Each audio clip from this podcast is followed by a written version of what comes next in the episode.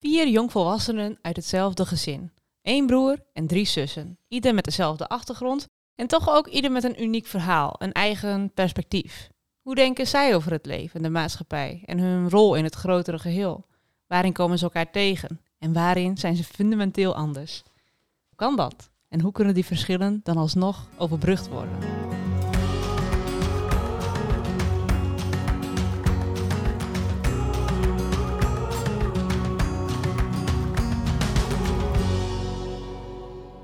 Hallo lieve luisteraars en welkom bij alweer de vijfde aflevering van Aan de Keukentafel. Afgelopen week bespraken wij onderling de toekomst van de podcast. En daaruit voort komt ook het thema van deze week, de toekomst. Een aantal jaar geleden sloeg ik in een boekenwinkel het boek De Onbewoonbare Aarde van David Wallace Wells open. In de eerste paar regels grijpt hij al je aandacht met angstaanjagende schetsen van de toekomst, mocht klimaatverandering zo doorzetten als geprojecteerd. Kippenvel stond op mijn armen en met lichte tegenzin dwong ik mezelf om verder te lezen, om de implicaties van onze leefstijl echt te begrijpen. Ik werd bang, want in de wereld die Wallace Wells omschrijft is er oorlog over basisbehoeften als water. Zijn miljarden mensen op de vlucht voor onmogelijke klimaatomstandigheden? Is onze voedselproductie onstabiel en onvoorspelbaar? En bewapent de 1% zich tegen het gepeupel met de rijkdommen die zij over de afgelopen eeuwen verzameld hebben. In de jaren sinds ik dit boek las, ben ik mijn angst gelukkig ontgroeid en heeft dit plaatsgemaakt voor een fundamentele omslag in denken. In plaats van me overweldigd en machteloos te voelen in de complexiteit van thema's als klimaatverandering, ben ik gaan inzien dat ik hiermee absoluut niets positiefs bereik. In plaats van me te richten op externe feiten, ben ik naar binnen gekeerd en ben ik gaan verkennen wat ik dan wel kan doen. Wat binnen mijn zogenoemde circle of influence ligt. Ik ben anders gaan kijken naar de wereld. Ben haar veranderingen gaan interpreteren als signalen. En neem die signalen serieus. Zo kan het niet verder, lijkt moeder natuur uit te schreeuwen.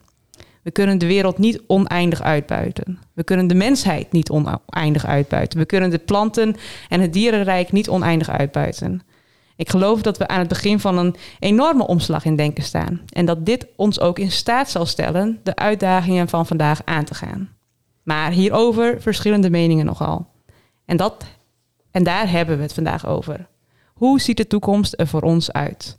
Welke ideeën schreeuwen de toekomst? En wat is er nodig om onze ideale toekomst te creëren? We praten over het basisinkomen, kringlooplandbouw, de sprong in het bewustzijn en een meer gedeelde ervaring van het leven. Dit noem ik ook wel de co's, zoals coworking, co-living, co-creating, co-community en nog veel meer. Welkom allemaal. Ik kijk meteen even Hendrik aan. Uh, Hendrik, als jij aan de toekomst denkt, denkt, welk thema komt er dan meteen bij jou omhoog? Ja, nou ja, heel vaak bij dit soort onderwerpen natuurlijk uh, denk je gelijk aan de dingen die je echt heel uh, recentelijk uh, ergens gelezen of gezien hebt. dat is bij mij nu ook het geval. Want ik moet even denken aan een boekje wat ik gelezen heb. dat heet Fantoomgroei. En dat gaat eigenlijk uit van dat er in 2018 werd er een keer een studie gepubliceerd door de Rabobank, geloof ik. En daarin stond eigenlijk dat we nou sinds 1980 bewijzen van de, de economie verdubbeld is. En nou, elk jaar gewoon met procenten uh, al versprongen vooruit is gegaan. Uh, maar als je dan echt kijkt naar de inkomsten van mensen, dan is dat eigenlijk sinds 1980 voor de gemiddelde mens niet gestegen. Nou, en dan uh, blijkt dus dat we wel veel meer winst maken, maar dat het dus blijkbaar niet bij de meeste mensen terechtkomt, maar dat er nou, een aantal mensen heel rijk worden, aandeelhouders misschien of CEO's stond geloof ik ook in dat, uh, dat een CEO een uh, gemiddeld ongeveer een. of er stond een voorbeeld van een CEO die een week moet werken om het loon te krijgen waar een gemiddelde arbeider een, een jaar voor werkt. Sick. Um, dus ja, je ziet daarin wel een klein beetje scheefgroei. En nou ja, nadat dat een beetje herleidt naar dat ja, op een gegeven moment ook keuzes gemaakt werden van ja, wat is eigenlijk een doel van een bedrijf. En dat er eigenlijk gezegd werd van het doel van een bedrijf is gewoon simpelweg om winst te maken voor de aandeelhouders. Want het bedrijf is simpelweg in handen van die aandeelhouders. Dus uh, ja, je kan eigenlijk geen ander doel hebben dan winst maken. Terwijl eigenlijk daarvoor was er veel meer het idee van een bedrijf die moet waarde toevoegen voor een economie. Nou, en, en dat was dan als voorbeeld werd dan ook wel genoemd bijvoorbeeld Philips, die dan een hele stad bouwde.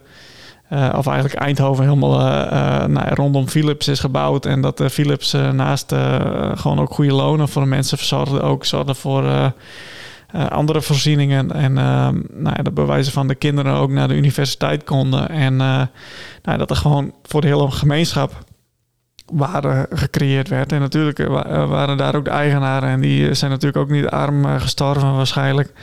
Dus die hebben waarschijnlijk ook hun geld wel verdiend. Maar wel dat er dat het wel logisch was dat uh, als jij geld verdient, dat, er, uh, dat je dan ook waarde creëert voor mensen in je omgeving.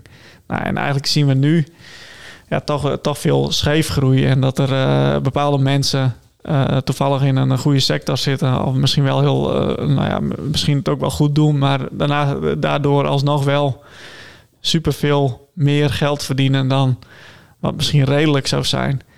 Um, nou, en eigenlijk wat er in dat boek ook gezegd van, nou ja, we moeten veel meer toe naar ja, waardetoevoeging en uh, kijken naar, uh, ook als, uh, als land of als economie of misschien ook wel de politiek, moeten we kijken van, ja, hoe kunnen we zorgen dat de gemeenschap gewoon beter wordt en dat mensen zich allemaal meer op hun plaats voelen en, nou ja, en, en dat bijvoorbeeld ook de, de, echte kosten van dingen ook mee worden genomen. Dus dat ja, sommige bedrijven verdienen natuurlijk ook veel geld. Uh, terwijl ze ook best wel veel schade aanrichten. Uh, nou ja, het milieu bijvoorbeeld. Doen we natuurlijk wel met z'n allen. Maar uh, ja, daar, dat, dat zit op een of andere manier toch een beetje in ons systeem op die manier. dat, dat dat niet meer meegerekend wordt. Nou, en daardoor krijg je ook onvrede. Daardoor krijg je misschien ook wel populisme, fascisme. dat soort dingen is natuurlijk allemaal een beetje gebouwd op terechte onvrede waarschijnlijk bij mensen die denken van uh, ja, we kunnen wel zeggen dat het allemaal zo goed gaat met ons, maar uh, ik voel dat eigenlijk helemaal niet. Um, dus nou, als ik dan, uh, heel lang verhaal, maar als ik dan kijk naar de toekomst, dan hoop ik wel dat we nou, over 20 of 30 jaar, dat we dat wel een klein beetje omgedraaid hebben. En dat we veel meer kijken, niet naar van hoeveel winst maakt een bedrijf, maar hoeveel waarde voegt dat bedrijf toe. En dat het eigenlijk ook helemaal niet cool is om te vertellen dat je een heel hoog salaris hebt, maar dat je eigenlijk zegt van ik uh, doe deze goede dingen. Uh, en uh, als mijn bedrijf groeit, dan worden er zoveel mensen en de natuur en de omgeving worden er beter van. dus dat iedereen dat juist toejuicht dat een bedrijf dan ook groeit. Nou, dan hebben het alleen over bedrijven, maar nou, überhaupt gewoon de maatschappij dat vooruitgang voor, voor de een, dat dat ook zorgt voor vooruitgang voor de andere. Nou, en uh, ik hoop dat dat uh, in de toekomst uh, dat dat weer wat meer terugkomt. En als jij kijkt vanuit je eigen bedrijf, Hendrik, hoe, hoe zou je dat vanuit je eigen... Want ik, ik vind een heel mooi, mooi verhaal, maar als ik dan weer aan zelfzuchtige ons denken, zeg maar, ik, ik, ik, ik, zeg maar, hoe Ehm, ja, hoe, hoe, hoe, zie je, hoe zie jij dat voor je? hebt gewoon, jij hebt ook een, jij hebt een bedrijf. Hoe zou jij dat...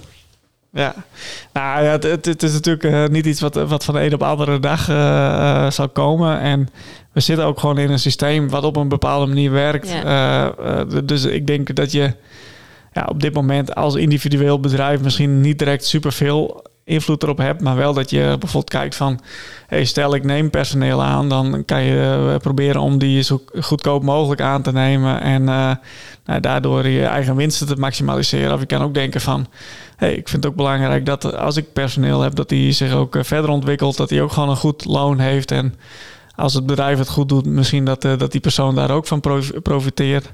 En daarnaast dat je ook juist gaat investeren in, in uh, bepaalde sectoren waarvan je weet van, nou ja, als daar groei is, nou, dan heeft dat uh, voordelen voor niet alleen het eigen bedrijf, maar dan is dat ook gewoon goed voor de maatschappij, bredere maatschappij. Dus ik denk, nou ja, uh, ik, ik vind wel dat ik zelf wel in de, ik, ik hou me wel bezig met duurzaamheid, dus daarin zit dat wel, maar ja, eh, aan de andere kant eh, eh, ben ik deels ook wel eh, geld gedreven. Of in de zin dat, van... dat hoef je er ook niet per se uit te halen. Want Nee. jij zegt ook, je zei op een gegeven moment ook van het zou super mooi zijn als we mensen eh, dan waarderen inderdaad om de dingen die, ze daadwerkelijk bereikt hebben. Maar ik denk dat je hoeft ook niet per se de incentive zeg maar, van geld eruit te halen. Nee. En het is ook per- Nee. niet per se slecht om geld te verdienen. Als jij een wereldveranderend idee hebt en eh, je maakt daarmee superveel positieve impact. Ja. Ja. waarom mag je daar dan niet rijk mee worden? Natuurlijk. Ik denk dat we gewoon anders moeten gaan kijken naar. eh, Er zijn hier ook bedrijven die superveel slechte impact maken, zeg maar. En ook stinkend rijk zijn. Eh, Ja. En daar, daar, gaat, daar raken dingen inderdaad uit balans. Maar ik, ik denk ook, ook al heb je een supergoed idee en eh, eh, dan alsnog denk ik wel van... ehm, zou het alsnog raar zijn, stel dat je een bedrijf hebt die eigenlijk gewoon een, een doel heeft om, om toch de maatschappij beter te maken. En jij wordt daar persoonlijk super rijk van, Mm. eh, dan, dan, dan matcht dat ook weer niet helemaal met de doelstellingen van, Nee. van je bedrijf. Dus daarin denk ik wel van, nou ja, Het ligt er wel aan wat je, wat je doet met je geld, zeg maar. Als jij voor ogen hebt dat je geld verdient en je gaat het allemaal in dure auto's steken bijvoorbeeld. Ik zeg niet dat het slecht is, maar eh, bij wijze van, zeg maar, zie je dat als iets negatiefs. Eh, maar je kan, je kan ook zeggen, ik wil eigenlijk, ik, ik vind het heerlijk om heel veel geld te hebben, want dan vind, dan vind ik het heerlijk om met heel veel mensen uit te nodigen, om etentjes te geven, om sociale dingen te doen, om eh, scholen Ja. te ondersteunen, om goede doelen te ondersteunen, weet ik veel het allemaal ja. dan, dan is het heerlijk om, om de, de vrijheid te hebben. eh, om de dingen te doen die je zelf, waar je wel heel veel plezier in hebt. Want je Ja. vindt het wel heel leuk om de sportschool waar je naartoe gaat eh, ondersteunen in moeilijke Zeker, tijden of zo. Maar, Zeker. eh, dus dat is voor je eigen plezier, maar je doet het dus ook voor. eh, ja, ja, nee, da- en, daar, eh, ik- zit ook denk ik wat, net wat meer het punt dat ik probeer te maken inderdaad van volgens mij moet er bijna een beetje een onder of een bovengrens zijn aan zeg maar hoeveel rijkdom je mag hebben en dat betekent dus dat je best wel rijk kan worden en iemand die bijvoorbeeld miljonair is wat mij betreft is dat ethisch, ethisch te verantwoorden eh, of nou ja, weet ik niet zeker of het helemaal ethisch te verantwoorden is maar er zit, zit nog wel een mega groot verschil tussen iemand die een miljoen heeft en iemand die een miljard heeft zeg maar Mhm. Ehm, en ik denk dat we wel veel meer miljonairs in de samenleving kunnen hebben, bij wijze van spreken, als we een beetje een bovengrens aan dat inkomen. En dan trek je voor de hele samenleving dingen wat meer gelijk. het lijkt, ligt bij mij meer aan wat je ermee doet. Ja, ik, ik Ja. denk dat, dat, eh, dat het ook wel een beetje is. Want eh, ik, ik denk wel dat kapitalisme op zich best wel werkt. Maar dan moeten er wel gewoon ook eh, duidelijke kaders gesteld worden van eh, wa- wa- wat vinden we dan wel goed en wat niet. En, en als je dan nou ja, wijze van veel geld hebt en je investeert dat in dingen die goed zijn voor de maatschappij. ja, dan, dan kan het ook best betekenen dat je misschien wat minder belasting betaalt. Maar als je dat juist wilt steken in dingen die misschien niet direct goed zijn, nou ja, misschien moet, moet dat wel zwaarder belast worden. Ja, Eh, maar ja, ik, ik, heb, ik heb ook niet overal, ik, ik heb de oplossing ook niet op alle, Nee. alle, eh, Nee, al die dingen. Maar Ja, maar en, en ik denk juist dat is het interessante wel. Eh, want Wieteke, jij stelde net de vraag aan Hendrik van... wat kan jij dan met je eigen bedrijf daarin doen?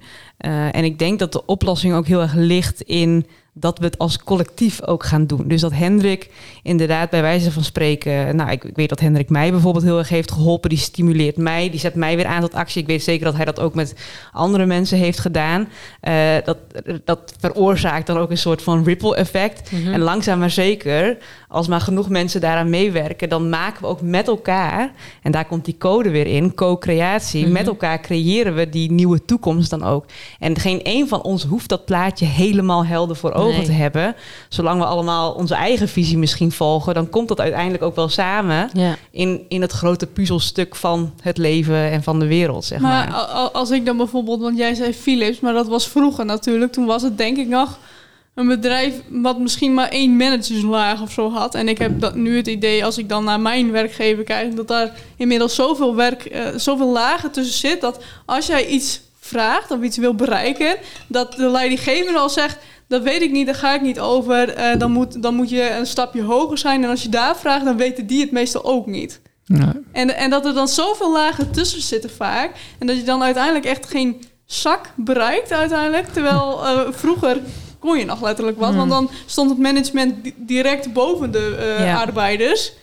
En, en die keek van, goh, wat hebben mijn arbeiders nodig en eh, wat, wat geven ze aan? Misschien hebben we dus wel echt een omslag richting dat soort denken ook weer nodig. Dat het wat weggaat uit de cijfertjes en de regels en de bureaucratie. En weer meer terug naar het individu en, en wat de mens zelf nodig heeft. Of in ieder geval, nou, ik, ik denk nu meteen aan het onderwijs en kinderen in het onderwijs. En dan kijk ik ook meteen even Wieteke aan, want volgens mij kan die daarin ook wel met mij meedenken. Absoluut. Is dat iets wat jij, wat jij, uh, waar je wat over wilt zeggen? Nog even, dat is meteen ook even mijn bruggetje naar Wieteke en haar ideeën over de toekomst. Ja, als ik naar de toekomst kijk, dan denk ik uh, meteen het woord kinderen komt in me op inderdaad. Ik heb natuurlijk mijn eigen kinderen. En als ik de, denk van dat is, dat is uh, letterlijk de nieuwe generatie. En als we het dan over toekomst hebben, dan denk ik ook dat we hen zeker uh, niet moeten vergeten. Omdat je met hen ook, um, als je nu gaat kijken naar um, de innerlijke wereld van het kind, het gevoel van een kind. Um, uh, had ik nou ook weer de nieuwsgierigheid van het kind en gewoon vertrouwen geven aan een kind dat nou ja, zijn ideeën en uh, zijn gevoel en dat alles er mag zijn. Dat je daarmee dus niet iemand dus in een systeem prop wat het nu is, zeg maar. Waardoor iemand ook weer uit dat systeem komt en volgens het systeem gaat leven. Maar als je meer gaat kijken naar het kind zelf en zijn nieuwsgierigheid laat spreken en zegt van hé, hey, ik vertrouw wat je zegt, ook al is het een crazy idee, maar ik denk, uh, probeer het uit, zeg maar. Als je zo meer naar het individuele kind gaat kijken, dat je ook in de toekomst veel meer innovatieve kinderen krijgt, eigenlijk die gaan kijken op een hele andere manier naar de wereld, hoe wij het nog nooit hebben bedacht, want wij zijn in het systeem opgegroeid. En ik ja, zelf denk als je veel meer um, ja, investeert letterlijk in uh, de gevoelswereld van een kind. En uh, dat je niet verwacht dat als die zes is, dat hij zoveel letters en woorden kan. Maar denkt van hé, hey, uh, nou, voordat iemand acht jaar is, volgens mij is dat in Zweden het systeem, voordat hij acht jaar is, moet hij op een bepaald punt staan. Maar daarvoor geven we hem alle ruimte om dat of in groep 1 of in groep 4 pas te leren ontdekken, zeg maar. En het vertrouwen geven aan het kind dat het echt wel goed komt. En niet al in groep 2 zeggen, nou, hij moet eigenlijk naar bijles, want we verwachten dat hij in groep 3 uh, toch achter gaat lopen, omdat hij nu nog niet uh, dit en dit laat zien. Terwijl misschien komt hij in groep 4 pas die klik in zijn systeem en bij een ander kind in groep 1 al. En ik denk dat je daarmee heel veel kinderen al een vertrouwensbreuk aan, ja, aanpraat, om het zo te zeggen. Ja, dit is een heel negatief verhaal. Ik ben nog steeds heel blij. Uh, ik vind het niet een heel negatief. Ik vind het een heel herkenbaar verhaal. Ja, nou ja, ik denk als je, als je dat er al uithaalt en dat je meer vertrouwen aan het kind geeft en aan um, ja, de wereld bij het kind brengen. Dus letterlijk leren uit de natuur. Dus de verbinding in de natuur zoeken. En dan gaan kijken, hé, hey, hoeveel stippen staan er op de achterkant van een lieveheersbeestje. Zo leert een kind tellen. En dat is ook het interessegebied. Want mijn kind vindt lieveheersbeestjes heel erg leuk. En daarmee zegt hij, hé, hey, dat is de kleur rood. En zo leert hij de kleuren. En zo leert hij tellen. En zo leert hij... Ja. En dat is de vanuit eigen input. En dat, dan krijgt zo'n kind vertrouwen. Dan zet je hem op de wereld met heel met stevige benen op de grond. En dan kun je kijken wat daaruit komt en wat voor systeem uh, switch en in, in die groei in bewustzijn waar we naar op zoek zijn. Ja, dat komt met de nieuwe generatie, denk ik. Ik heb ook een uh, vriendin Zo. en die heeft, een, uh, die heeft twee kindjes inmiddels. Ze zijn echt lievertjes. maar die oudste, die is drieënhalf, geloof ik. Maar tot een half jaar geleden zei hij eigenlijk niet heel veel. en uh, ik, ik ben daar ook wel eens op visite Wie geweest. haar droom. Nee, nee maar dat, dat ik daar ook wel een beetje van schrok. Want ik ben natuurlijk mijn neefjes en nichtje gewend die echt voluit zinnen praten. En hij zegt eigenlijk niet heel veel. Hij zei wel dingen, maar nou, niet heel veel. En dat wordt dan als raar bestempeld. Nee, dat wordt dan wel als raar bestempeld. Terwijl het eigenlijk, het, het, ze zei ook van, van uh, verder, er zijn wel testen gedaan, maar zijn intelligentie, daar, daar is niks mis mee. En het is gewoon, het is, hij heeft het tot nu toe niet echt nodig gehad. En nee. uh, hij, nou, je zag ook echt van uh, uh, waar Nora bijvoorbeeld, mama, mag ik alsjeblieft wat Ranja vraagt, liep hij gewoon zelf naar de keuken, klimde een paar ja. kastjes op, pakte een beker uit het bovenste kastje, pakte zijn eigen Ranja. Hij dat was is toch veel ook super zelfstandiger, ja. Dus dan denk ik, die jongen had het ook niet nodig gehad. Maar ja, het is natuurlijk wel een labeltje wat je krijgt door de hele ja, maar dat is dat ook dat je per kind kijkt. Uh, ehm, kijk, wij kunnen het heel leuk vinden dat mijn kinderen heel goed kunnen praten. Maar inderdaad, hoe zelfstandig zijn ze? En hoe, eh, eh, want ik vind ook, dat vind ik juist heel knap, dat ze zelf dingen kunnen pakken en ook weten hoe het moet en hoe je het netjes weer terugzet. En dan denk ik van, als je drie bent, nou, vind ik best knap, zeg maar. Maar dat is weer een heel andere intelligentie. Maar omdat we tegenwoordig alle kinderen op eenzelfde manier testen en die moeten eigenlijk hetzelfde laten zien, zeg Ja. maar, op hetzelfde manier. En ehm, dan leer je dus niet, want dit, dit is dus echt een prachtig voorbeeld eigenlijk van de ene intelligentie en de andere. Want ik, je wilt toch ook niet dat ze allemaal eh, bouwvakkers gaan worden of allemaal dokters. Je wilt toch dat ze allemaal, de een wordt een bouwvakker, de ander wordt een dokter, de ander wordt een lerares. Het is toch allemaal verschillende types intelligentie, Ja, zeg zeker, maar. Zeker. Ja, dus ik denk, ik denk, ja, als ik aan de toekomst denk, dan hoop ik zelf ehm, eh, daar ook misschien wel wat mee te kunnen doen. Dat weet ik nog niet precies, maar ook dat je inderdaad, ehm, ja, ja, met die kinderen, met de kinderen gaat groeien, zeg maar. Dus Mm. ook in die, inderdaad, ook als je naar school kijkt, dat je naar een, als je als aan community denkt, aan dat, dat, dat coworking, dat je denkt van, je gaat, je leeft samen met de docent, met de kinderen, niet boven de kinderen, met de kinderen, met de ouders, eh, met de families die eromheen. Als je als een kind die lekker in zijn vel zit, dan kun je denken, nou, die heeft misschien een concentratieprobleem of ADHD. Maar je kunt ook denken, hey, spelen er thuis dingen? Zijn er, eh, hebben de ouders veel ruzie? Eh, heeft hij net een nieuw zusje gekregen? Ga, ga meer in die denkwereld van een kind ook zitten, zeg maar. En, en Ja. Ehm, ja, ik, ik weet nog steeds niet zo goed wat ik van labels vind.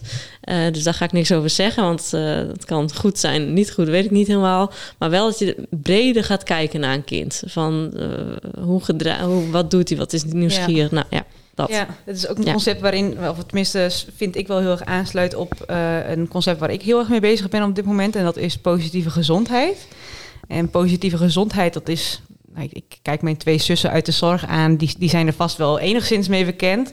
Eh, maar het is eigenlijk een concept eh, wat ongeveer tien jaar geleden door een Machteld Hubert, die naam heb ik ondertussen zo vaak voorbij horen komen, eh, door haar is ontwikkeld, waarin, veel meer, waarin gezondheid veel meer vanuit een preventieve hoek wordt bekeken en waarin gezondheid ook een andere definitie krijgt. En nu doe ik het heel even uit mijn hoofd, maar ehm, gezondheid wordt dan gedefinieerd als ook veerkrachtig om kunnen gaan met tegenslagen, eh, ehm, een gezonde leefomgeving hebben, zingeving hebben. Nou, er zijn dus ook zes eh, noemers, pijlers binnen de positieve gezondheid. Ook weer even uit mijn hoofd. Mentaal welbevinden, fysieke gezondheid, eh, meedoen in de maatschappij, structuur, eh, eh, eh, ehm, mindfulness. Nou, ik, ik weet ze even niet allemaal precies uit mijn hoofd, maar die bekijken gezondheid inderdaad vanuit een breder perspectief dan alleen vanuit ziektebeeld en dan curatie. En zitten veel meer op de voorkant en zorgen ervoor dat mensen zelf veel meer Ja. grip gaan pakken voor hun eigen gezondheid. Ja, leiderschap gewoon daarin. Ja, nemen. precies ja. En ik denk dat eh, inderdaad in het systeem waarin we wat zitten, wordt dat ook allemaal best wel geëxternaliseerd en, worden, en uitbesteed aan anderen. Van goh, ik, ik voel hier wat pijn of iets dergelijks, ik ga naar een dokter. In plaats van dat we zelf de vaardigheden in huis hebben om eens een keer in ons lichaam in te zoomen en te denken, wat zit daar nou eigenlijk? Of waarom voel ik die pijn daar? Of die, die vaardigheden hebben we, Niet krijgen we helemaal niet mee. Eh, heb ik het idee. En ik denk dat inderdaad in zo'n nieuw schoolsysteem zou, zouden zulke onderwerpen ook ontzettend belangrijk zijn. Nou, dat je alleen al leert, leert voelen met, met je lijf, zeg maar. En niet alleen leert denken met je hoofd, maar ook dat je denkt van... hé, hey, eh, ik Denkt. Ja, ja, dat is, ja maar ik, ik ben echt een heel erg hoofdman, omdat ik heel veel denk en nadenk. En, eh, en ik, ik, ik had het leuk gevonden, of ik, ik had het heel erg waardevol gevonden, denk ik, dat je. ehm, eh, als je op school zit en je, je leert alleen al even dat een juf zegt: hey, hoe zit je nou eigenlijk? En eh, hey, zijn je schouders eigenlijk ontspannen of gespannen? Of eh, hoe kan het dan eigenlijk? En eh, dat je daar al leert aandacht naar. Ja, dat je Ja. zegt van hey, sta je wel met je voeten op de grond? Of heb je heel koude voeten? Of eh, ik heb nooit nagedacht over mijn hele lijf. Ik had echt al jaren koude voeten gehad en dat ik dacht op een gegeven moment dacht ik, oh ja, dat is zo ja. Wat Maar- is er dan met koude voeten? Nee, niks, maar meer dat je denkt van je. nee. Ja, daar ben ik ook heel benieuwd naar. Ja, Nee, ik heb ook wel koude daar- voeten. Eh, Er is wel iets mee, maar dat weet ik nu zo even niet eh, te benoemen. Maar, eh, Ja, gebrek aan warmte heb ik wel eens gehoord. ja, maar, oh, nou ja, volgens mij is het dat je niet genoeg gegrond bent. Dus dat je. eh, Mm. ehm, hoe zeg je dat? Eh, ja, ge- Ja, gewoon- ge- geaard, geaard inderdaad. ja, dat je meer, ja, dat Ja. je dus echt letterlijk je vanuit je hoofd eh, Ja. leeft en niet met beide voeten dus op de grond staat. Dan moeten we eh, dat op de bodem uitzoeken. Ja, nee, maar Ik dat heb je, nu best warme voeten trouwens. Ik ruik het.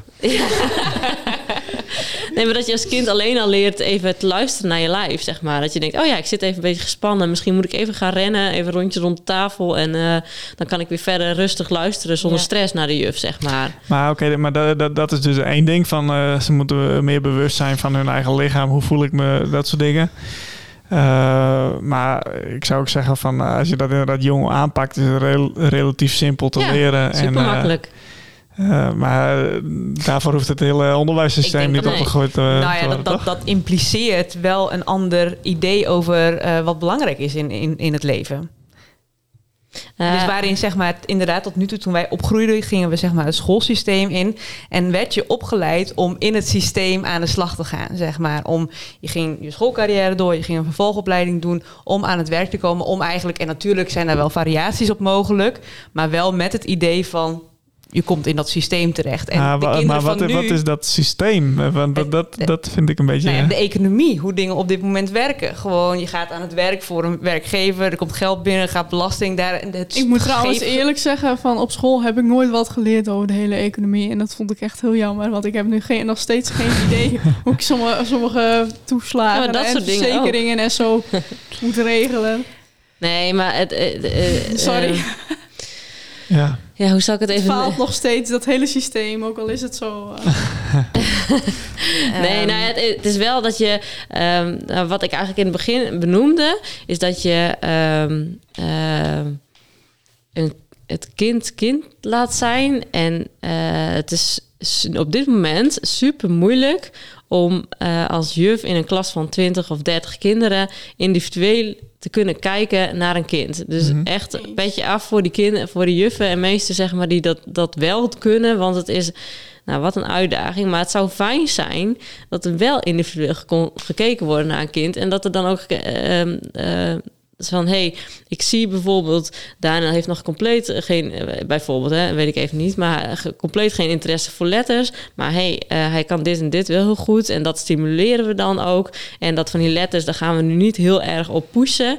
Want dat maakt een kind misschien wel onzeker of wat dan ook. We kunnen hem af en toe eh, tussen de neus en door wat aanbieden. Maar dan kun je veel meer inkijken op dat kind. Het is nu op dit moment, omdat het zulke grote klassen ook vaak zijn, van hé, hey, we moeten in dit systeem mee. Elk kind moet dat, dat kunnen tot 20 kunnen tellen op die leeftijd. Elk kind moet eh, aan het eind van groep 2 eh, alle letters in ieder geval kunnen herkennen. En dat. En, ja. wa- en waarom eigenlijk? Nou, zeg maar, vooral- Dat zijn we volgens mij een beetje vergeten in de ontwikkeling van het onderwijs. Van waarom doen we het eigenlijk? Waar gaat het eigenlijk om? En oh, sorry dat ik je onderbreek. Wilde Nee. je je gedachten afmaken? Sorry. Nee, dan gaan we door. Nou ja, al- als Hendrik net vraagt van, maar wat bedoel je dan met het systeem, zeg maar? Ehm, nou ja, wel de economie van vandaag de dag. Ehm, en we worden nog steeds zo opgeleid, of misschien, waarschijnlijk wel enigszins aangepast, maar gebruiken nog wel steeds hetzelfde schoolsysteem als, laten we zeggen, 20, 30, 40 jaar geleden. Terwijl onze uitdagingen van vandaag wel heel erg anders zijn in een globale wereld. eh, eh, eh, die ook echt best wel existentieel zijn. En dat, ik vond het dus heel mooi dat Wiedeke in het begin zei van dat je kinderen ook leert om innovatief te denken. En ik denk als je dan denkt over de toekomst van werk bijvoorbeeld, dan wordt veel meer ondernemerschap gevraagd, ook binnen grote bedrijven. Dus niet per se zelfstandig ondernemerschap, maar gewoon innovatief, creatief denken, nieuwe verbindingen maken, oplossingen vanuit een ander perspectief bekijken. Ehm, en dat vereist volgens mij een andere aanpak in zeg maar de dingen die we, die we leren en hoe we ze Maar, leren en hoe we samenwerken. Eh, da- daarbij komen we weer even terug op Hendrik zijn fantoomgroei. En, eh, en eh, mijn managers en uh, Wieteke haar juffen die voor een klas van 20 man staan. Het is tegenwoordig ook 30. zo... 30, ja, nou moet je nagaan. Het is tegenwoordig ook zo ingericht. En, en dat komt door al die managerslaagjes en, en die economische groei. Terwijl mensen, de arbeiders, gewoon niet eens meer verdienen. Eh, eh, er- komen gewoon heel weinig leerlingen nog van de PABO, omdat het zulke moeilijke Mm. eh, het is zo'n moeilijk systeem geworden, Ja. zoveel theorie. Eh, daarbij krijg je een hongerloontje. Daarbij zitten zoveel managerslagen boven jou die zeggen van het moet zo en zo en zo. Je kan de kind, het kind niet meer de persoonlijke Nee, aandacht en dan geven. heb je een klas van 30 man, terwijl de, er zijn dus tekorten, hogere werkdruk, meer wordt er verwacht. Ja. Nou, en je denkt als Hendrik, eh Hendrik zijn toekomst, zeg maar, over dat je meer kijkt naar eh, je bedrijf die ook waarde toevoegt aan een maatschappij, zeg maar, en aan, aan de duurzaamheid en dat soort dingen. Dat v- vergt wel eh, dat, dat mensen ook anders leren denken, zeg maar. En dat vergt ook dat je. eh, en het gaat niet eens om, we moeten een systeem hebben, we moeten structuren hebben om, om ook aan vast te kunnen houden. Alleen dat kinderen wel leren, eh, ook buiten systemen, om te denken, om eigenlijk zulke dingen ook weer in gang te kunnen zetten. Want op dit moment zit je gewoon ook in een belastingstelsel. Je zit in, in zoveel procent gaat naar, naar dat, zoveel procent, procent gaat naar dat. Dus het is best wel moeilijk om dan ook nog, als, als je een beetje lekker wil verdienen en een beetje lekker wil leven, dat je ook nog dan eh, waarde moet gaan toevoegen aan een maatschappij, zeg maar. Terwijl als je, ja, op, ja ik, ben, ik zit- ben echt een systeemdenker, maar als je daar buiten kan denken, eh, dat je dan toch misschien wel met hele slimme oplossingen komt om toch waarde toe te voegen aan. Ja, het systeem. maar, maar, maar ik, ik, ik denk dan alsnog wel, eh, want, want ik, ik denk dat, dat we het volgens mij best wel eens zijn over dat waarschijnlijk dat systeem wel anders moet. Maar eh, volgens mij ben je dan alsnog bezig met aanpassingen aan ja. het systeem. En wil je eigenlijk dat het, bij wijze van je kinderen, als die van school afkomen, dat ze misschien wel veel meer die ruimte krijgen, juist in het systeem om Mhm. dat soort dingen Mhm. te doen. Dus daarom denk ik, al- ik, ik, eh, ik kan dat soms niet helemaal plaatsen wat je dan bedoelt met van buiten het systeem Nee. denken, om, omdat het toch eh, op een gegeven moment... die- Buiten, ze- buiten de gebaande wegen denken misschien ja, oké, ja. En, zeg en ik- maar, ik- het, het- nu, nu merk je heel erg vaak dat inderdaad het onderwijs of de zorg of andere, laten we zeggen, grote overheidssystemen, die proberen we te verbeteren. En we proberen ze te verbeteren door ze eigenlijk nog complexer te maken. Dus door te zeggen van oké, dan voegen we hier een regeltje toe. Ja. Of dan doen we hier Ja. een regeltje erbij. Of hmm, dat werkt op die manier niet helemaal. Hier een protocolletje, zeg maar. En buiten het systeem denken is dus dan van waarom geven we eigenlijk onderwijs? Wat is eigenlijk het hoofddoel van onderwijs? En kunnen we daar ook nieuwe manieren bedenken om dat, om dat te gaan doen? En ik stuurde volgens mij afgelopen week ook, ook een initiatief door naar Wieteke... waarin dus inderdaad een, een nieuw onderwijssysteem wordt opgesteld... waarin die school dan ook in een soort van eh, super biodiverse omgeving staat... waarin die kinderen, waarin onderdeel van het lesprogramma al veel meer is... dat gewoon elke dag standaard zo en zoveel naar buiten wordt gegaan. eh, dat er veel meer die, die vrijheid omarmd wordt... inderdaad van de individuele groei van een kind. Nou ja, dat is wel buiten een systeem denken, denk ik dan. ja, en daar kunnen dan vervolgens alleen rijke mensen hun kinderen naartoe brengen. Nou, en Ja, de bedoeling. En, wel, en, dan kom je dus inderdaad weer in die on- ongelijkheid in de samenleving. Dat zulke ideeën inderdaad alleen maar bereikbaar zijn voor rijke mensen. Waarom is dat zo? Want die, de oprichters daarvan, en ik ben op dit moment ook bezig met een impactonderneming. Je wilt dat het inclusief is. Je wilt dat het toegankelijk is. Je wilt dat zoveel mogelijk mensen daar gebruik van kunnen maken. Maar door Kost het systeem waar we in zitten, is dat ook in heel veel opzichten vaak onmogelijk. Ja. Eh, dus wat zijn daar dan weer slimme oplossingen voor, zeg maar? En dan kom je, dan kom je wel, naar mijn inzien, eh, eh, op een stukje wel herverdeling van, van rijkdom. Of dat we daar anders over na gaan denken. En dat we anders gaan nadenken over publieke goederen en, en private goederen. Dat we misschien meer gaan delen, dat we richting een basisinkomen gaan. En dat, ook, dat, je, dat je daar een andere structuur in ontwikkelt. Ja. Als, ik, als ik nu... Ik krijg heel het gevoel dat we, eh Marianne en ik, het best wel eh, nu buiten onszelf leggen, zeg maar. Of tenminste, we willen iets heel groots... Eh, het, het voelt altijd, als ik het over onderwijs heb, heel groot, zeg Mm. maar. Terwijl in het onderwijs zelf, tenminste als ik naar de basisschool van onze kinderen kijk... zijn al best wel kleine initiatieven ook, zoals bewegend leren en weet ik veel wat allemaal. eh, om, en buiten bewegend leren en zo. Eh, er zijn best wel ook wel weer ontwikkelingen bezig. Als ik kijk bijvoorbeeld naar veel... Maar het, het is vaak heel persoonlijk. Dus er zijn mensen bezig om meer mindfulness op school te brengen. Maar dat zijn allemaal kleine initiatieven. En zou, het zou wel heel mooi zijn, denk ik, dat, dat je... Ja, Maar ik, ik denk wel dat, dat zo ontstaat dat natuurlijk Ja. ook. Want uiteindelijk eh, eh, eh, op basisschool de daar hebben ze mindfulness. En dan denken ze bij de, de, de, basisschool daarnaast, denken ze... hé, hey, dat kunnen wij ook wel doen. En dan gaat het ja. als een lopend vuurtje op een gegeven moment. En op een gegeven moment dan zegt de overheid van... hé, hey, wij vinden dit eigenlijk dat elke school dit gewoon moet doen. Dus wij wij vinden dat dat gewoon in een lespakket hoort. En we Ja. gaan dat eh, dan- faciliteren. En, en zo ontstaan denk ik ook dat soort Ja. veranderingen. Ja. En, Ja, en- alleen dan, dan moet je weer nadenken van zijn dat dan inderdaad aanpassingen op de protocollen die er al zijn, zeg maar. Eh, binnen de systemen eh, moet het passen, zeg maar. Of zijn het dan, wordt het dan ook, ja, wordt er dan ook daadwerkelijk iets veranderd, zeg maar. Of moet Ja. het allemaal dure scholen zijn die, nou ja, die, die de kinderen van de toekomst gaan, gaan opvoeden, zeg maar. Waar je dik voor moet betalen, omdat het anders niet te betalen is, zeg maar. Mhm. Eh, ehm, eh, ja, Ja, dat, dat, is, inderdaad wel, want je merkt bijvoorbeeld ook wel zo'n ehm mindfulness beweging in, in, het, in het werkende leven een beetje. En vooral grote corporates die dan inderdaad een mindfulness uurtje aanbieden of iets dergelijks. Ja, is misschien heel erg leuk en nobel van ze.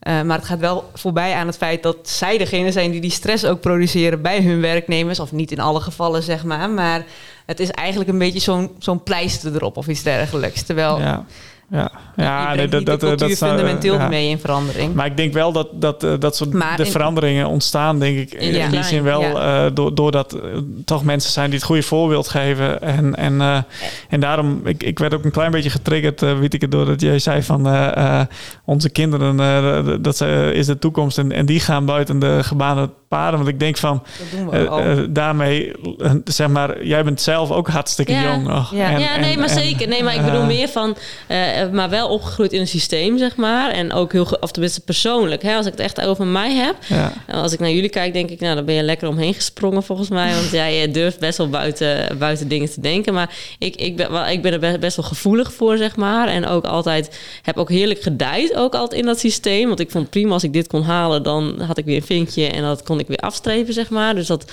dat was ook goed, zeg maar. Ja, Eh, maar, maar maar ook, ook- ook jij kan dat eh, echt nog wel leren om Ja, buiten oh, het systeem te denken zeker. en om Maar die juist- aanpassingen Maar dat doen. betekent niet dat er ook niet onder, eh, aanpassingen in het onderwijs zeker. moeten worden gemaakt. En ik merk bijvoorbeeld dus nu ook inderdaad overal worden ook ondernemersprogramma's voor iedereen en van alles en nog wat wordt opgezet, zeg maar. Die, die beweging is, is wel in gang en moet ook in het onderwijs zeker worden En doorgevoerd. trouwens, ik hou ook wel van een beetje structuur. Ja. Ja, maar dat, Ja, is, dat, dat zeggen we ook niet dat, er, dat, het, eh, dat het iets is wat moet ontbreken. Want eh, wij hebben afgelopen vier weken in ons gezinsleven geen structuur gehad door een kuchje en door vakantie en dat soort dingen. Nou, daar wordt iedereen super eh, vervelend van. En, eh, dus ik denk ook zeker niet dat we een structuur weg moeten gooien. Maar dat je wel samen nog dat je elke Terug keer. gaat naar de essentie. Ja, en elke keer blijft nadenken, werkt dit nog? En waarom doen we dit eigenlijk ook? En waarom, en voor wie is het goed? En dat je wel elke keer kritische vragen mag blijven stellen. Laat ik het Ja. zo zeggen. Ja, en, en ik, eh, ik snap dat wat dat betreft ook helemaal. Want ik, ik, eh, als ik denk aan eh, mijn basisschooltijd, dan... Ik was volgens mij de helft van de tijd uit het raam aan het kijken. Ook gewoon omdat ik me niet kon concentreren. Hoe ik er veel meer beweging nodig had. En gewoon eh, niet stil kon zitten. En dan moest een vakje opruimen. En dat, lukte ook allemaal niet. En, eh, eh, na een half jaar moesten we ons vakje leegruimen. En dan vond ik nog wel eens een appel lekker. Hoe, hoe, hoe ben ik familie van jullie? Ik snap dit soms echt niet. nou, het zou, maar, zou mij ook kunnen overkomen, inderdaad. Maar, Mij echt nooit.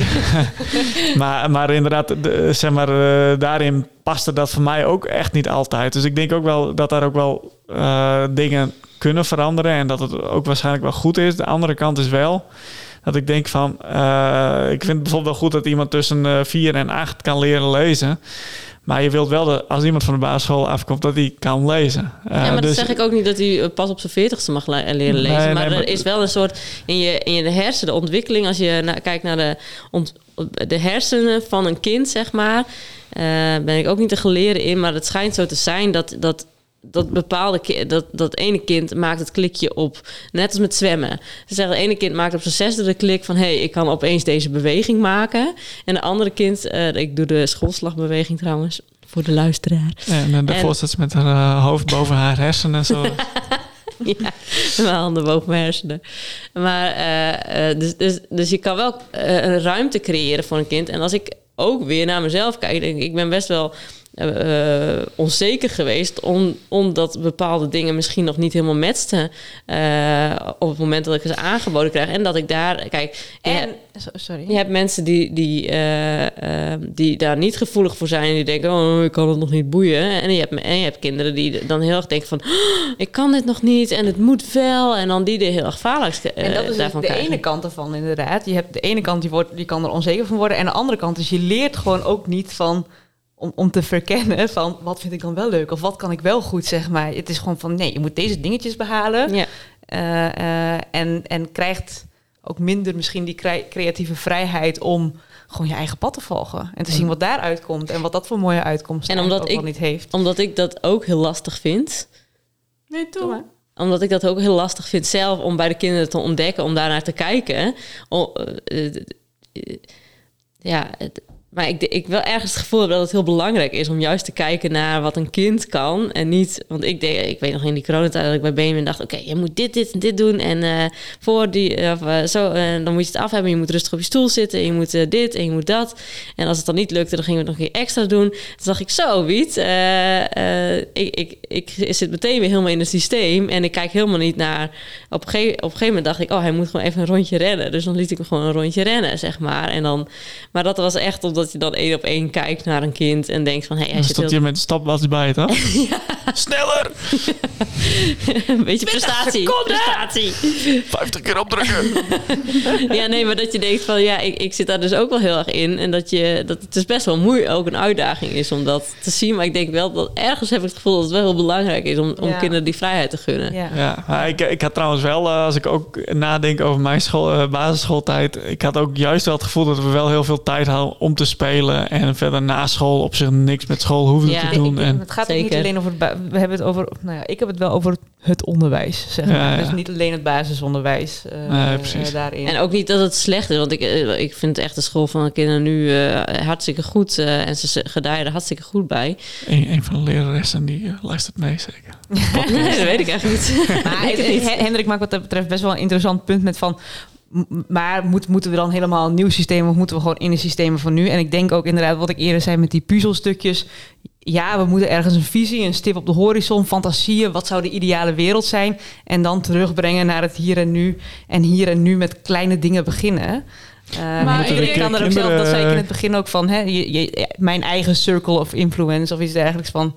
Ja, wat kan Wat je kan zelf ik dan nu veranderen? doen? Ja. Eh, en ik ben dus nu ook bezig met inderdaad in het, in het voort of in het hoger onderwijs eh, eh, te proberen meer mentale zorg voor jongeren te faciliteren. Omdat ik denk van ik hoef niet een heel nieuw onderwijssysteem op te zetten om nu al Impact te ook maken. impact te kunnen maken op die jongeren. Ja. Ehm, ik wil hem eigenlijk op heel even afsluiten op onderwijs en kijken of Anna nog eh, een, eh, een thema heeft eh, eh, die ze graag in de groep wil gooien. Iets over de toekomst, iets wat, wat je verwacht of, eh, of wat, wat je hoopt. Nou, ik had laatst een, eh, eh, de tante van mijn vriend. Die werkt bij het eh Wetterskip Friesland. en die hebben de laatste tijd... eh, dat was wel iets heel leuks. Want je hebt dan, als het regent... dan eh, ehm, moet dat water ergens heen. En de laatste tijd... Nou ja, ik, ik weet het hele verhaal eromheen niet meer. Maar het kwam erop neer dat eh, eh, als je natuur in de tuin had... dus minder tegels en meer natuur... dat dat water veel beter en sneller werd afgevoerd... dan dat je een heel eh geasfalteerde stad had, om het zo te zeggen. Hmm. Dus ze hadden nu met de gemeentes in het initiatief tegeltje wippen.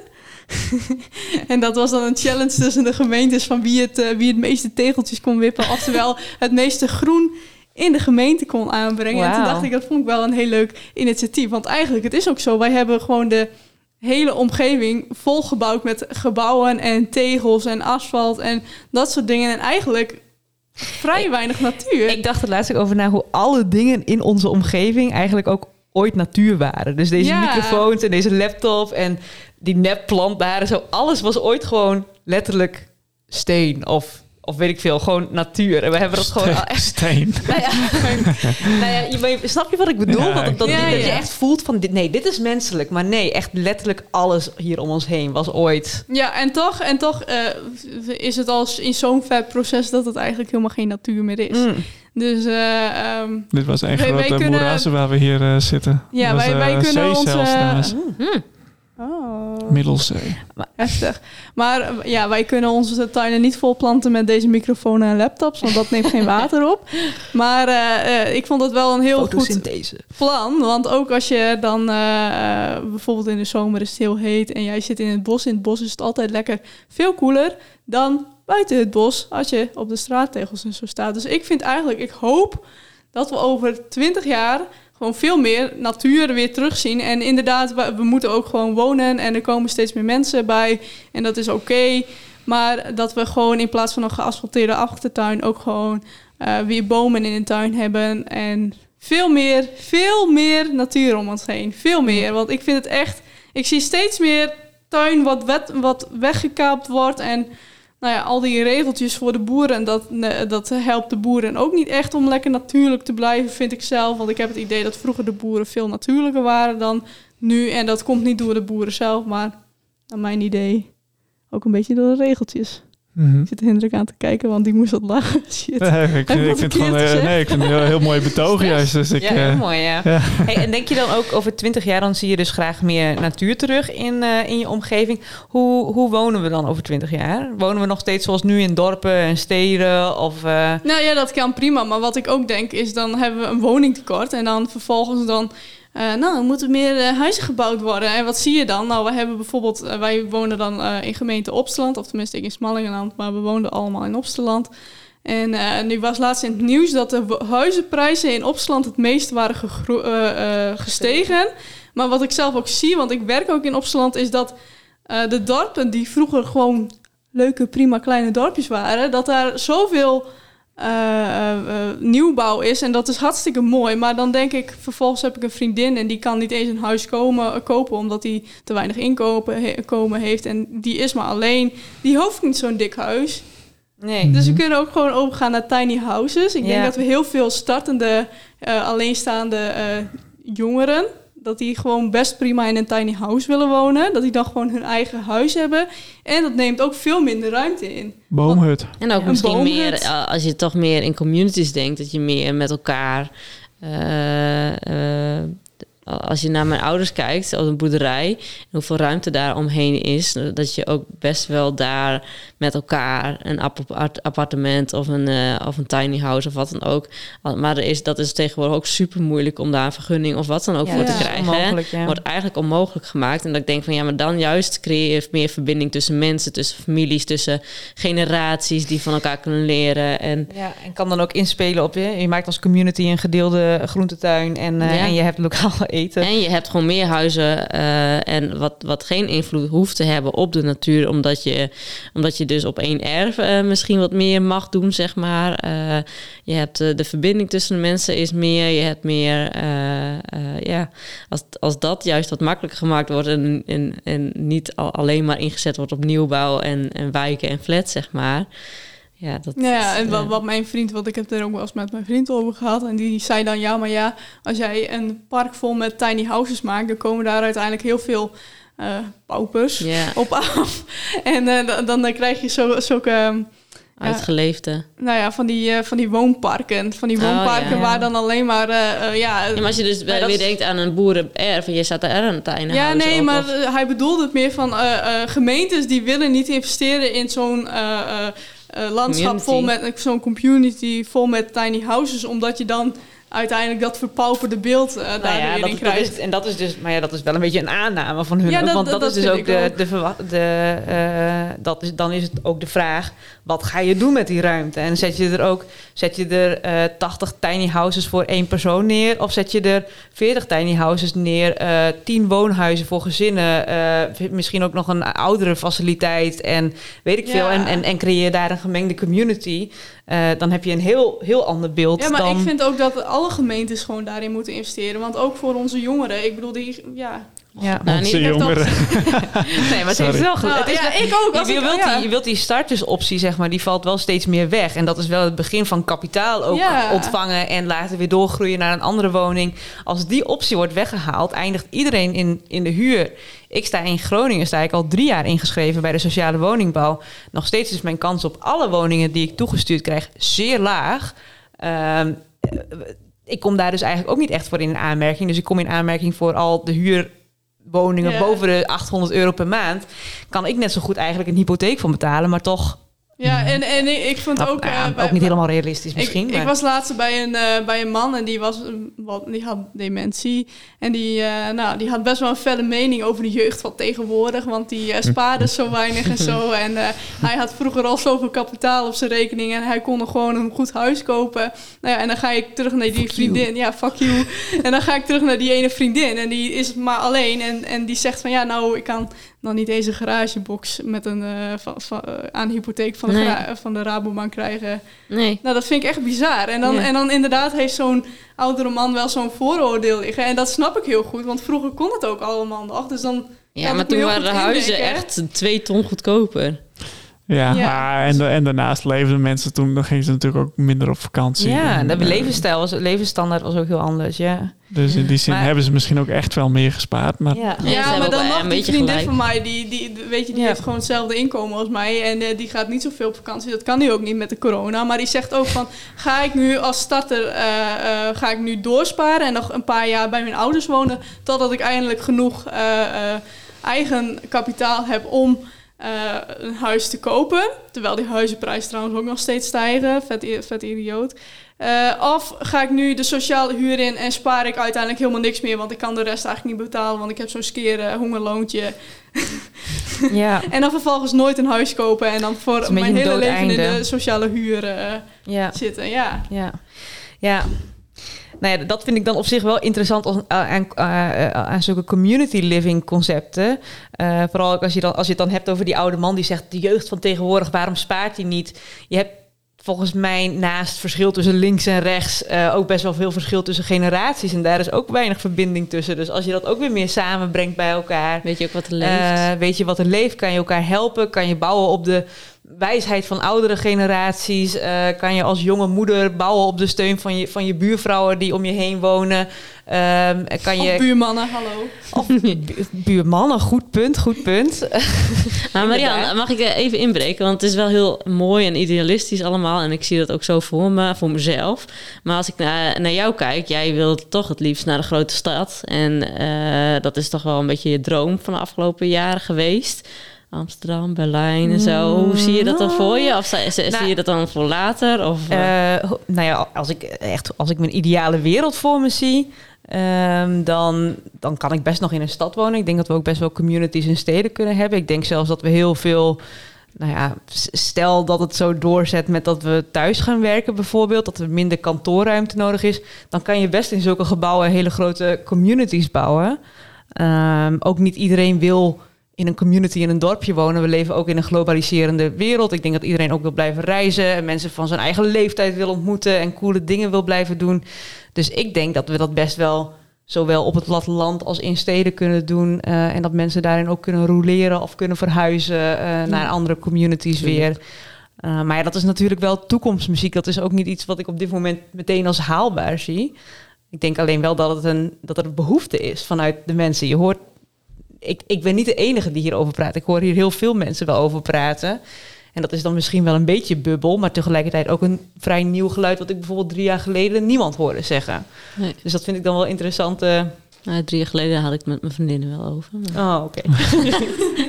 ja, toen was Marianne niet aan het luisteren. nee, nee. nou, maar is, is het niet zo dat, dat, dat het wel meer is Het geworden? leeft wel meer, maar ik weet wel dat wij, dat wij ja, af- uit de gein of niet, maar dat wij voor, voordat we kinderen hadden, dat we ook zeiden, het zou wel heel waardevol zijn. Ja, we zeiden toen ook natuurlijk een beetje gekscherend als vriendinnen onder elkaar, maar ook van je, je, je, je groeit ook soort van wel met elkaar op en je kan elkaar dus ook super ondersteunen in. eh, ehm, eh, in je leven, zeg maar, met je eigen ervaringen en wat dan ook. En dat is soms al, dan hoef je niet eens coaches of therapeuten of wat dan ook Nee, te hebben, maar dan heb je wat aan elkaar, zeg maar. En dan, dan, heb je ook, en dan heb je ook meer zicht. Ja, als ik kijk naar mijn eigen eh, zwangerschap en, en de eerste kind krijgen, dan is dat tegenwoordig best wel alleen, zeg maar. En ehm, eh, als je geen ouders hebt die dicht, dichtbij wonen of, of vrienden, eh, weet je, je zit maar in je eigen huis, privé. En je kan als je naar buiten loopt je lach opzetten en ook naar vrienden en familie. En dan hoef je helemaal niet, eh, ehm, eh, hoe zeg je dat? Eh, daar hoef je, hoeft ik heel veel, niet heel veel moeite te doen om dan mijn gezicht. En als je meer met elkaar leeft, dan zie je ook wat meer wat er leeft. En kun je ook al elkaar veel meer ondersteunen. En eh, de ene keer eh zwaait het wat meer naar die, en dan weer wat meer naar die. En dan maak je eens een keer eten voor, voor je buurvrouw of wat dan ook. Ja, ik, maar dat is echt de ideale wereld. Ja, dat, dat, ja. ja. Maar ja, betekent niet dat we daar niet... Ik bedoel, je hebt wel... eh, eh, coworking wordt steeds groter. eh, ik bedoel, er zijn wel bewegingen daar naartoe. En misschien kunnen we daar nog wel mooie oplossingen in vinden. ja. Ehm, ik kijk heel even naar Anna. Want Anna wil volgens mij naar mij zijn dat ze het af wil ronden, neem ik aan. Is dat wat je wilt zijn? Oké, nou, dat gaan we ook doen, want we zitten inderdaad op 53 minuten. Ik eh, kijk nog heel even rond de tafel. Eh, ik wil eigenlijk nog heel even van Hendrik horen... wat hij nou van het eh, gesprek van de afgelopen 5 à 10 minuten vond. Want daar hebben we hem niet heel veel over gehoord. Als afsluiter. Nou ja, ik, ik, ik vind het op zich wel, wel interessante gedachte. Ik, ik denk deels ook dat het misschien wel een klein beetje een golfbeweging ook is. Want nou ja, bijvoorbeeld in de jaren zeventig met de hippies, eh, peace and love, eh, woonde ook iedereen natuurlijk in, Ja. in kraakpanden en met elkaar. En, dus ik, We zijn en- gewoon hippies. nou ja, dat sowieso. En, en, en daarnaast denk ik ook wel van... ehm, ja, in, in hoeverre is dat ook weer een beetje eh, elite-achtig, eh, zeg maar. Nou Want er zijn er gewoon ook nog wel heel veel mensen... die überhaupt niet een huis hebben. Ja, Ehm, ja, ja, klopt. En dan, ja, ja, ja, eh, zeg maar dan ook met tiny houses, ja, dan wil je een soort community ergens bouwen, maar daar heb je ook weer toch weer best wel heel veel ruimte juist voor nodig, ook al is het een heel klein huisje. Eh, dus kan je niet beter goedkope flats bouwen eh, met hele kle- eh, kleine huisjes en dat er En juist omheen weer meer natuur is. Dus Ja, dat snap ik ben- ook wel, ja. Ik, ik ben een beetje conflicted ik, hierin. ook, ja, ik denk ook niet dat je het per se, inderdaad per se, zoals ik ook zei, je kan het ook in steden en gebouwen doen wat mij betreft. Ja, maar ik, ik vind het alsnog, want het klinkt gelijk heel negatief. Ik vind het wel een super leuk idee. Want ik denk wel inderdaad, eh, ik zie daar echt wel een meerwaarde van in. Dat je juist met eh bewijs van je ouders en misschien wel je, je paak en beppen of je opa en oma of ja, toch meerdere generaties woont. En, toch je eigen ook hebt tegelijkertijd. ja, Dat trekt mij er ook heel erg aan. Dat je dan niet per se in huis woont met een drie generatie woning of iets dergelijks. Mhm. Maar dat Ja. je toch nog je eigen ding hebt in een, in een gemeenschap. Ja, en, en elkaar daarin ook eh, kan helpen. Want de een die denkt, eh Getver, ik moet die eh, belastingformulieren invullen. En de ander Mm. denkt, eh Getver, ik moet in de tuin. Nou ja, dat is misschien als je met, z'n, met een hele grote groep woont... dan is er misschien iemand die zegt, nou, laat mij maar in de tuin. Als jij mijn belastingpapier invult... eh, Ja. Ja. En dan, dan gaat uh, Anna konten wassen. Ik wil ook wel in de tuin. Wie wil een belastingsformulier invullen? Nou, het is een, het is een heel mooi beeld en, en, eh, en eh, idealistisch gezien speelt het zich af in een wereld die, eh, die ook wat andere veranderingen door heeft gemaakt, denk ik wel. Maar wel mooie beelden om naartoe te streven. En dat is ook wel iets wat ik wel zie van deze tijd, is dat we wel meer, wel meer visie beginnen te ontwikkelen voor hoe we het nou gaan doen, die oplossingen voor al die problemen die, die de hele wereld eigenlijk heeft.